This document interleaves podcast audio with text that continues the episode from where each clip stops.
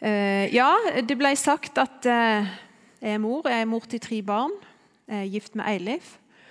Jeg bor på Randaberg og er lærer. Og når en er lærer, så har jeg nå akkurat begynt på en åtte uker lang ferie. Det vil si først litt avspasering. og så litt ferie, og så litt avspasering igjen. Mm. Og eh, det er faktisk ikke mer enn det må være. Nei, syns jeg. Fordi at eh, Jeg er gift med Eilif, og eh, vi er ganske forskjellige. Og òg når det kommer til det med ferie. Jeg liker rolige dager. Jeg liker å legge meg på et svaberg med ei god bok planlegge dagene litt. Kanskje ta en joggetur og, og ta det litt med ro. Mens eh, Eilif han vil helst være sosial og kan være sosial hele tida. Han vil helst ikke planlegge dagene, men ta det litt sånn. Og han kan godt gyve på et prosjekt midt i ferien. Bygge ei trapp eller begynne på en mur eller noe sånt. Helst ut i båt og stå på vannski og, litt sånn. Så da er det utrolig greit med, med åtte uker sommerferie, for da har jeg først tre uker for meg sjøl før han skal i ferie. Sånn at det er liksom opplada fit for fight. Mm. Så der har du oss. Eh, mitt tema jeg kan først si det at For noen år siden så skulle jeg tale på en eh, krigsleir. Vi skulle reise på familieleir. og Dagen før vi skulle reise, så sa jeg til dattera mi, som kan ha vært sånn rundt ti år da, at vet du hva, Julie, Mamma hun skal tale på en leir, og jeg gruer meg ganske mye. Kan du be for meg? Yes, det kunne hun. Folk til henne og sa, Kjære Gud, jeg ber om at mamma ikke skal dumme seg ut. Amen. Så Ja. Jeg tror det gikk greit. Og vi satser på at det gjør det nå òg.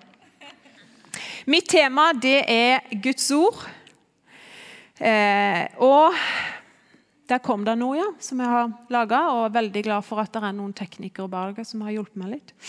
Eh, Guds ord og Bibelen. Og det er klart at Da kan det fort bli fordømmelse. Veldig dårlig samvittighet. Dette er vanskelig å forstå. Og hva er vitsen?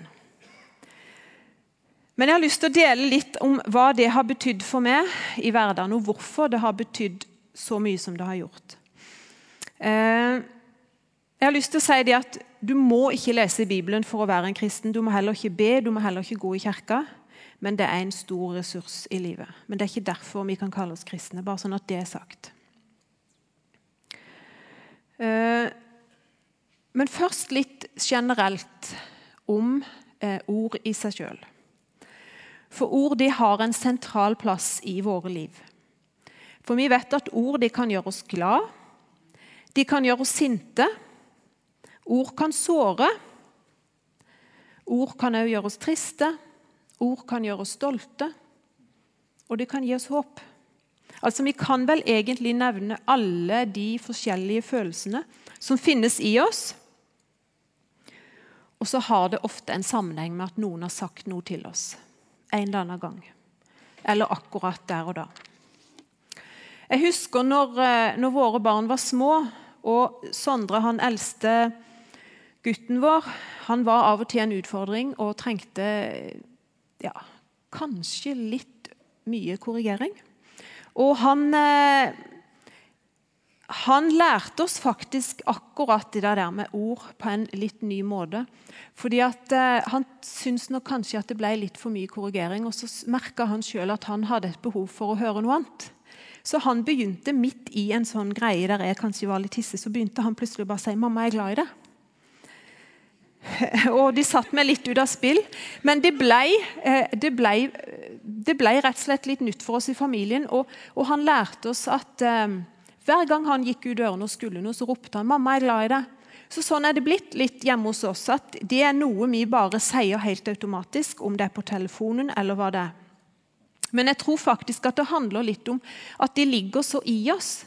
De der med, Når vi vokser opp, det å få høre gode ord. For det skaper noe i oss. Det gjør noe med følelsene våre. Og vi vet jo at har vi vokst opp og kanskje ikke hørt det, men heller hørt det motsatte av mamma eller pappa, eller sånt, så, så, gjør det noe med oss som vi faktisk kan ta med oss helt inn i, i voksenlivet og kan prege oss veldig. Og vi vet jo at I forhold til våre nærmeste relasjoner, om det er ektefeller eller barn eller venner, så, så er et sånt ord når vi har hatt en krangel eller noe Sorry, sorry, kan du tilgi meg? Unnskyld, jeg er glad i det. Så vet vi at det egentlig endrer hele atmosfæren. Det kan forandre en situasjon bare med noen sånne enkle ord. Eller de gangene vi bare kjører på med kritikk. Hvordan det kan snu òg en atmosfære og en følelse. Så sånn helt bare på det vanlige så vet vi da at ord det har, eh, det har mye makt, rett og slett. Ord har makt i vår munn. Og sånn var det òg når Gud skapte denne verden. For der står det noe veldig essensielt i eh, Første Mosebok om når Gud skapte. Så står det det. Gud sa 'bli lys', og så ble det lys. Han sa det skal bli en hvelving på himmelen, og det ble sånn. Gud sa i vannet skal det myldre liv. Gud sa, Gud sa, Gud sa. Ni ganger står det nedover. Så Gud, han skapte jo med å snakke. Rett og slett. Når vi lager noe, kan strikke en genser eller vi kan bygge et hus, eller hva det måtte være, så er vi avhengig av å lage noe ut av noe. Ut av noe materie. Men Gud, når han skapte, så skapte han med sitt ord ut av ingenting. Han befalte, og så ble det. Ble det faktisk noe. Og hele universet jeg tror det opprettholdes av det at Gud, Gud eh, sa noe, og Gud sier noe, og Gud taler. Og Gud han satte i gang en prosess, og jeg tror den pågår ennå. Vi ser det hver vår. Og jeg blir like forundra på alt som har vært svart og mørkt og trist, når våren kommer. Ut av ingenting, føler jeg, så bare kommer det fram noen blomster. Så kommer det gress opp av bakken. Ut av de svarte knoppene så bare vokser det seg ut et svært blad eller en blomst. Det er, et, det er en skapelse egentlig hver vår hva som foregår. Og det er Gud som står bak, som holder på hele tida. I Johannes kapittel 1, vers 1-5, så står det òg litt om dette som jeg syns er som et mysterium. For det står i begynnelsen var Ordet, og Ordet var hos Gud. Og Ordet var Gud. Han var i begynnelsen hos Gud, og alt ble til ved Han. Og uten Han så ble ingenting til. Og ordet ble menneske og tok bolig iblant oss. Han kaller seg sjøl for Ordet. Jeg syns dette er et kjempestort mysterium. Det er akkurat som det går litt sånn rundt for meg. For, eh, for det er akkurat som man setter likhetstegn mellom Jesus, mellom Ordet, Skaperen, universet, hele vårt eksistens, blir på en måte konsumert inn i Ordet. I begynnelsen var Ordet, Ordet var Gud. Og så ble ordet menneske. Og så tar det bolig hos oss. Så Derfor tror ikke jeg det er så rart at, at ord på generelt grunnlag trenger ikke være kristne engang, så, så kan vi skape en atmosfære. Vi kan skape noe ved å si noe, altså med ordet. For det ligger i hele livsgrunnlaget på hvordan denne verden er skapt. Den er skapt ved ord. Og vi kan fremdeles skape med våre ord. Og du trenger ikke være kristen engang for å egentlig skape med ord. Det er å si fine ting eller å si noe stygt. Så kan du endre en atmosfære. Så de tror jeg ligger i oss. Så kan du tenke deg hva slags makt Gud har når han sier noe. Altså Han byder det som er, og ikke blir til, står det i Romerne 4, 17. Og Vi så jo litt av det når Jesus gikk på jorda, da han befalte stormer å legge seg, bølger å legge seg.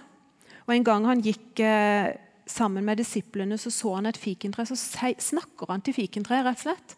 Og så sier han det at eh, det skal ikke bli mer frykt på dette fikentreet, sier han til disiplene. Dagen etter når de går forbi, så er fikentreet rett og slett visna. Så han han visste jo selvfølgelig hvilken makt et ord kan ha. For han hadde jo vært der og skapt denne verdens Altså, han var jo der i, begynnelsen og skapte, så han har jo sett Gud skape med ord. Så det visste han. Så dette demonstrerte han mange ganger for disiplene. Og så står det han byr det som ikke er, å bli til.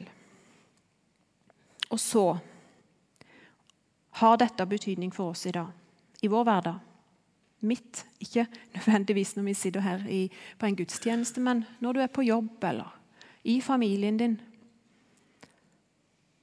Kan mennesker forandres? Kan steder forandres? Eller kan situasjoner forandres i dag? Ved å bruke Hans ord. Ja, jeg tror det. I Efeserne 6 så står det om Guds fulle rustning. Det er Paulus som skriver. Og eh, i dette her med hele den rustningen så er det en liten setning. Åndens sverd, som er Guds ord. Og så har jeg lyst til at vi skal tenke litt på det at hva er et sverd? Jo, det er et våpen. Det er et våpen som soldatene brukte mot fienden sin. Og det er et våpen som vi må bruke aktivt. Eh, hvis det henger i slira, så har det ingen nytte. Og det er også sånn at Hvis en soldat skal ut i krig, så blir han nødt til å ha trent med dette sverdet på forhånd. Det er ganske tungt. Det var i hvert fall det på den tiden når disse soldatene og dette bildet ble laga. Så, så det er tungt, svært sverd. Og de måtte rett og slett bygge muskler for å kunne bruke det. Og de trente mye på forhånd for å komme seg ut i krigen og for å vite hvordan fungerer dette våpenet. Og det hjelper ikke hvis ikke de tok opp dette sverdet og brukte det aktivt. Så er det hva egentlig Paulus prøver å fortelle oss her. Skal vi gå rundt og krige? Tja, Kanskje, men ikke helt sånn krig som vi først og fremst tenker på. Men det kan jo faktisk være at det er noen som har sagt noe til deg en eller annen gang. Enten når du var barn, eller i ungdomstida, eller kanskje nå. Ja, det kan ha vært litt sant for den personen som sa det. Og så er det blitt en sannhet inni hodet ditt. Og så er det en setning som kanskje preger deg så mye at det styrer, livet ditt.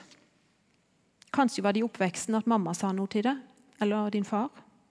Kanskje du ble mobba, og som har prega deg, så er det blitt en sannhet. Og Da tenker jeg egentlig at det er blitt en fiende i livet ditt. Og så har Gud gitt oss et våpen. Han har gitt oss en annen sannhet. Guds sannhet om hvem du er, og hva slags betydning du kan ha for andre mennesker og for deg sjøl. Og for, for Gud, skaperen sjøl. Så har han gitt deg et ord som faktisk kan skape noe nytt i deg. Eller det kan være at det er en bekymring som preger deg så mye. Kanskje det er en bekymring for et av ungene dine, for framtida. Kanskje en bekymring for jobben, økonomien, ekteskapet som egentlig er helt forståelig. Ja, det er, det er egentlig en virkelighet. Det kan være så voldsomt at du ikke får sove. Det er vondt. Det er en vond klump inni deg. Husk at Guds ord det kan skape noe nytt. Og at det er alltid en Guds sannhet over livet, over din situasjon, som faktisk står over den sannheten du går og kjenner på.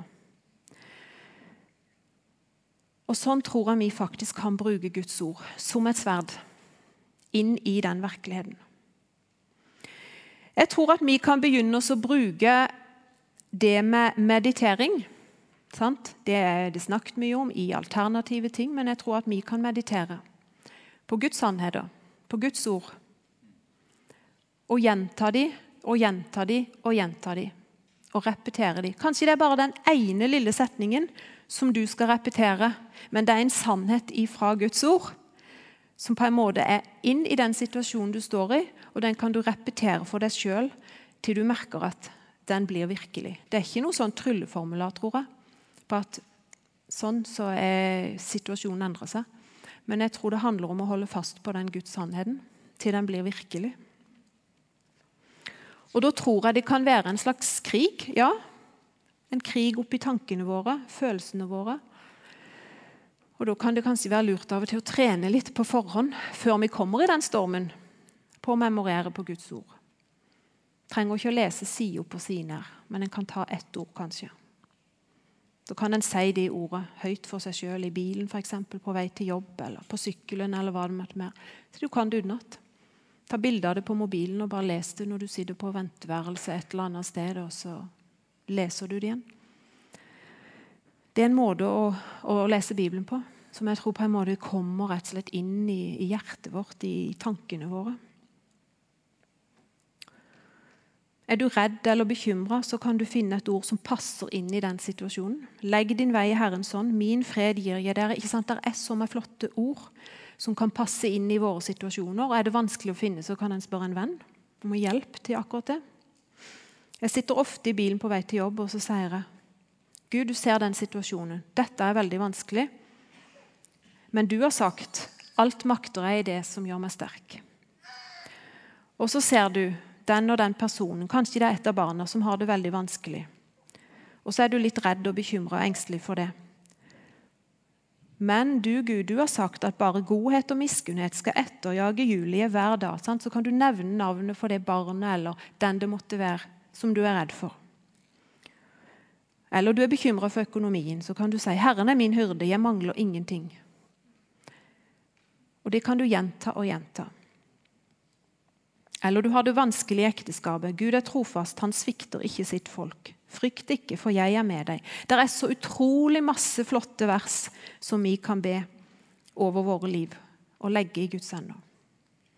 Jeg har lyst til at dere skal se en, eh, en liten filmklipp fra et program som gikk for noen år siden på eh, NRK, som het Alt for Norge. Eh, dette er egentlig ut fra et jubileum, 25-årsjubileum for kongen og dronninga vår. Eh, når de hadde vært regjert eller vært konge og dronning i 25 år. Men det er et lite klipp, og jeg vet at de er blitt vist her før. i en litt annen setting. Men jeg syns det passer så utrolig godt, for dette er ei jente som heter Marte. Og Hun eh, gikk som lita jente i ei sånn gruppe alt, eh, alternativ til vold. Hun hadde opplevd vold i hjemmet og en far som, eh, som slo. Og, og, hvordan det hadde prega henne. Så, så jeg går hun i en sånn gruppe. Eh, og Det ender med at denne gruppa reiser til kongen, og så er det kongen som sier et ord til henne, eller en setning som rett og slett endrer hele situasjonen. Eh, hele hennes eh, opplevelse og erfaring av det hun har har opplevd. Da kan jeg se den, og så kan jeg snakke litt etterpå igjen.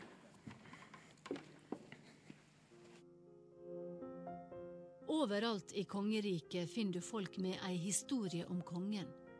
Om et møte, en latter, ei trøyst eller en tabbe. Nokre stader finnes mennesker som har fått livet endra på grunn av kongen. Som i Langesund, der et barn en dag stilte et spørsmål. Et spørsmål som ble starten på noe stort. Marte var en del av en gruppe barn som hadde vokst opp med vold i familien. Hvor de var vitne til at eh, mor ble utsatt eh, for vold. Jeg spurte Øyvind om det var mange som visste at det fantes sånne sinna pappaer rundt om. Og jeg svarte som sant var at eh, mange vet det, men sikkert ikke mange nok. Ehm, så spurte jeg tror du kongen vet det. Tror du kongen vet det? Hvor tok hun det fra? Jeg har ikke peiling. altså. Hun kjente jo ikke kongen, jeg kjente ikke kongen. Det var litt sånn eventyraktig over det, akkurat det øyeblikket. Hun kunne ha sagt at og det var da synd, da. men hun spurte tror du kongen vet det. Og svarte jeg nei, jeg vet ikke, Marte. Jeg kjenner ikke kongen. Så sa jeg kanskje vi skulle skrive et brev. Så Øyvind skrev, og vi ble enige om hva vi skulle skrive. Og så posta vi det. Sammen, så vidt jeg husker. Stor konvolutt.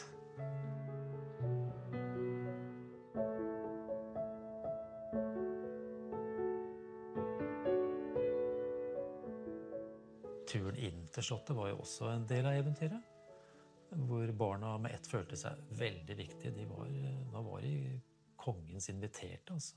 Det var Øyvind og to kollegaer av Øyvind. Så hadde de leid en minibuss. og så samlas vi i barnegruppa på en bensinstasjon, og så kjørte vi inn. De passerte jo gratis i bomstasjonen forbi, for, forbi Drammen. Hvor en gutt bak i gruppa sa at 'vi skal til kongen, vi skal ikke betale'. Og han der bomvakta sa 'ja, dere får kjøre', da. De løper ut da. bort til gardisten og sa de skulle til kongen. Og gardisten svarte at ja, det vet vi, vi har fått beskjed om at en gruppe barn skal til kongen i dag. En av barna i gruppa han eh, hadde med seg en deodorant. Eh, og så spurte vel denne kabinettssekretæren eller ordonnansen eller adjutanten eller hva det var for noe, hva han skulle med den. Om det var, om det var en gave. Nei, han ville lukte godt når han møtte kongen. Og spreia seg ganske voldsomt før vi gikk opp den. Et spørsmål førte barnet fra Langesund til kongen. Hun ville at han skulle vite at til og med når han står på balkongen 17. mai, er det barn her i landet som kryper sammen i frykt. Så ble det alvor når eh, adjutanten banka på døra. Høyt oppe, han måtte strekke seg for å banke. Og hvor eh, vi hørte kongen si 'kom inn'. Ja, vi satt jo her rundt bordet. Og eh, de fortalte om eh, ja, løst og fast, ganske fast egentlig, om, om sine skjebner og hva de hadde opplevd. Marte fortalte jo en fortelling hos kongen som ikke jeg visste om. Det var vel én spesiell opplevelse. Som Det var en 17. mai hjemme. Um, som uh, Faren min skulle hjelpe mamma med bunaden. Um, Og så fikk hun det ikke til. Så ble hun så sinna. Um, og da satt jeg oppe og så på kongen på balkongen. og det kom fram da. Mm.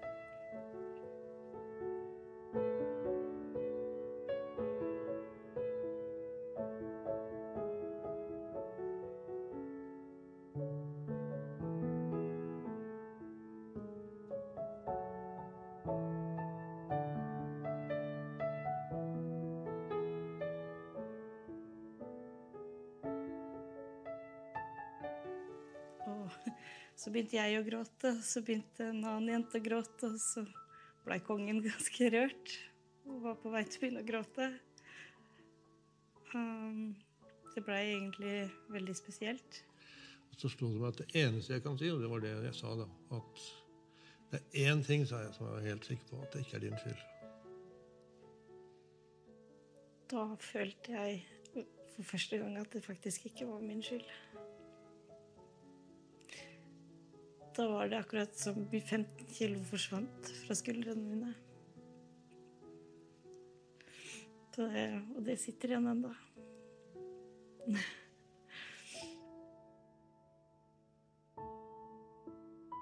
Etter møtet med barna bestemte monarken seg for å bruke kongemakta til å hjelpe. For meg har barns oppvekstforhold vært en hjertesak de siste årene. Det blei bok, det blei teater, det blei film inspirert av historiene barna fortalte på Slottet. Flott. Takk skal du ha. Eh, det var ikke så mye igjen. Men eh, jeg hadde lyst til å slutte der fordi at eh, det var den der siste setningen som kongen sa. Én ting er i hvert fall sikkert. Det er ikke din skyld. Og det tror jeg at denne jenta hadde hørt før. Fordi at hun sa for første gang så kjente jeg at dette var sant. Og Jeg tror de har snakka om dette i den gruppa, for det er noe av det som en har fokus på når barn opplever sånne ting. det at det ikke er din skyld. Men det var når kongen sa det, at det plutselig ble sant for henne. Og da tenker jeg litt sånn at eh, Gud er vår konge. Og jeg synes Det er så godt et bilde, for det er noe med det mandatet.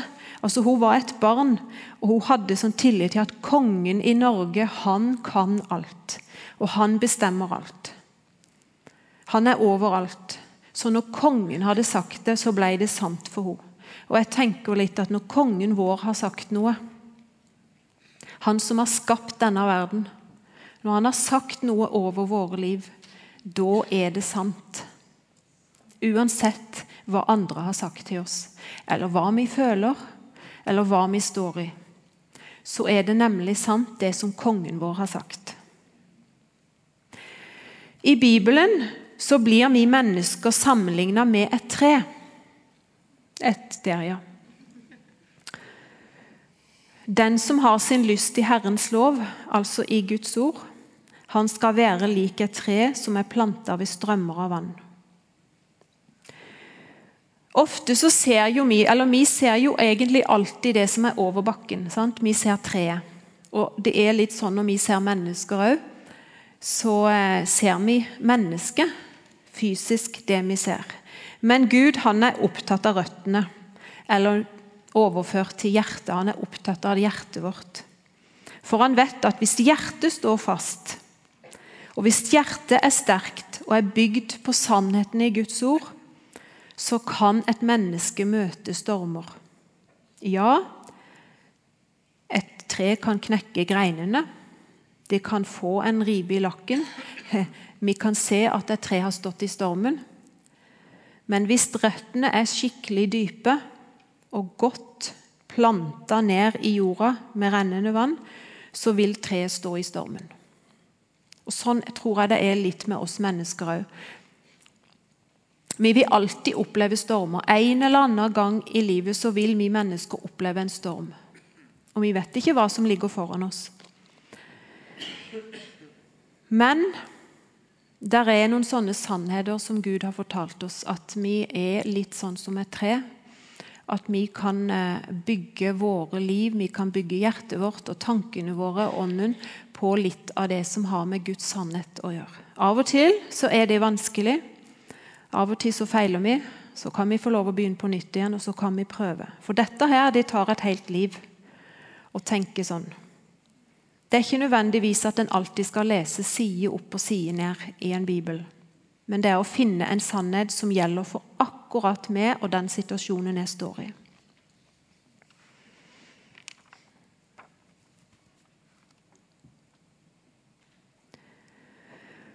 Og Derfor er det en Guds sannhet over ditt liv, over det du står i, over det du har erfart, og over det noen har sagt til deg, og over det du føler, og tenker på når det gjelder framtida di. Og den sannheten er det bare Gud som har. Og den kan vi eh, få, og den kan være tilgjengelig for oss uansett hvordan vi har det. Mm. Jeg har lyst til å takke og be en bønn.